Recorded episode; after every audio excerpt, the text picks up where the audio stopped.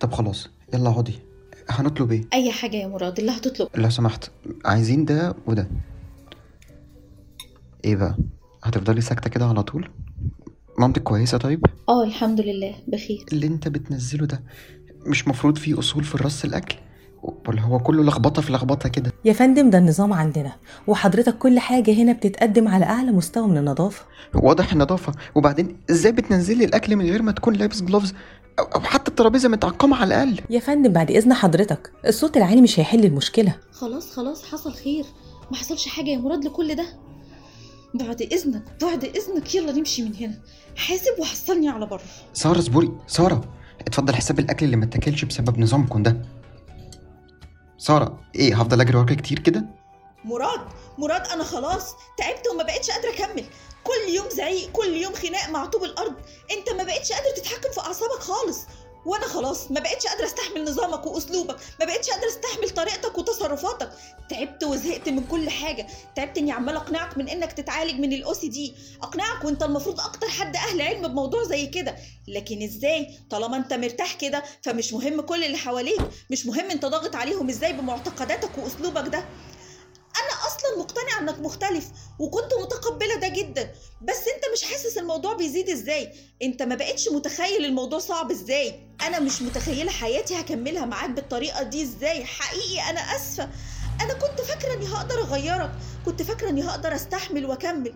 بس بجد الموضوع طلع أكبر من طاقتي بكتير. خلصتي كلامك ولا لسه شايلة حاجة تاني؟ مراد أرجوك حاول تفهمني.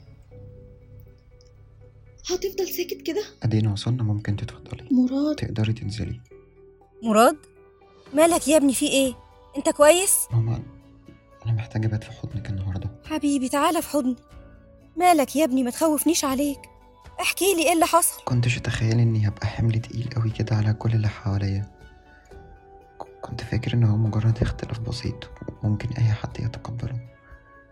معترف إني متعب شوية بس عمري عمري ما تخيلت إني أبقى عبء على حد. أنا وحش وصعب قوي أنا فعلا ما حدش يقدر يستحملني. يا ترى يا ترى مين تاني غير سارة أنا مبوظ له حياته؟ انتي وأبويا وعبده وكل اللي بشتغل معاه حتى حتى المرضى بتوعي. أنا فعلا صعب قوي مراد انت اطيب من قلبك مفيش. حنيتك تكفي العالم كله يا حبيبي. ما تقولش على نفسك كده تاني. انت مش عبء ولا حمل ولا صعب. انت هدية وهدية حلوة قوي في حياتي أنا وابوك. سارة ما استحملتش دي قدرتها وطاقتها وهي حرة. وكل واحد بيتعامل بطاقته وحبه لشريك حياته. وانت تستاهل أكتر واحسن بكتير قوي يا حبيبي. اوعى تقول انك أقل. أو وحش. اوعى تقول حاجة زي كده تاني. هزعل منك قوي قوي أنا لازم أسمع كلامكم وأبدأ اتعالج أنا هكلم الدكتور تاني وأبدأ. أنا أنا مبقتش قادر أستحمل الضغط اللي أنا مسببه للناس. عين العقل يا ابني. وصدقني أنت هترتاح أكتر بكتير. نام. نام يا ابني وريح نفسك وعقلك من التفكير دلوقتي. وبكرة ربنا يحلها. يلا يا حبيبي قوم غير هدومك وبات النهاردة جوه على سريرك. ما تنزلش تاني وأنت كده. اصحى يلا يا مراد أنا جهزت لك الفطار قوم يلا. وأم عبده هتعمل لك القهوة بتاعتك. إيه ده أنا نمت كل ده إزاي؟ لا لا لا لا اقعد أم عبده إيه أنا هقوم أعملها لنفسي ولا؟ أنا أنا هنزل من غيرها أنا هنزل من غيرها. مراد أنا أنا آسفة جدا لو طريقتي كانت صعبة معاك امبارح. أنا عارفة إني قلت كلام كتير صعب بس اعذرني. أنا مضغوطة جدا من البيت بسبب كذا حوار. أه، أنا رحت العيادة النهارده وقدمت استقالتي. حقيقي أنا آسفة. أنت تستاهل كل الخير. ربنا يسعدك يا رب في حياتك. صباح الخير يا سارة.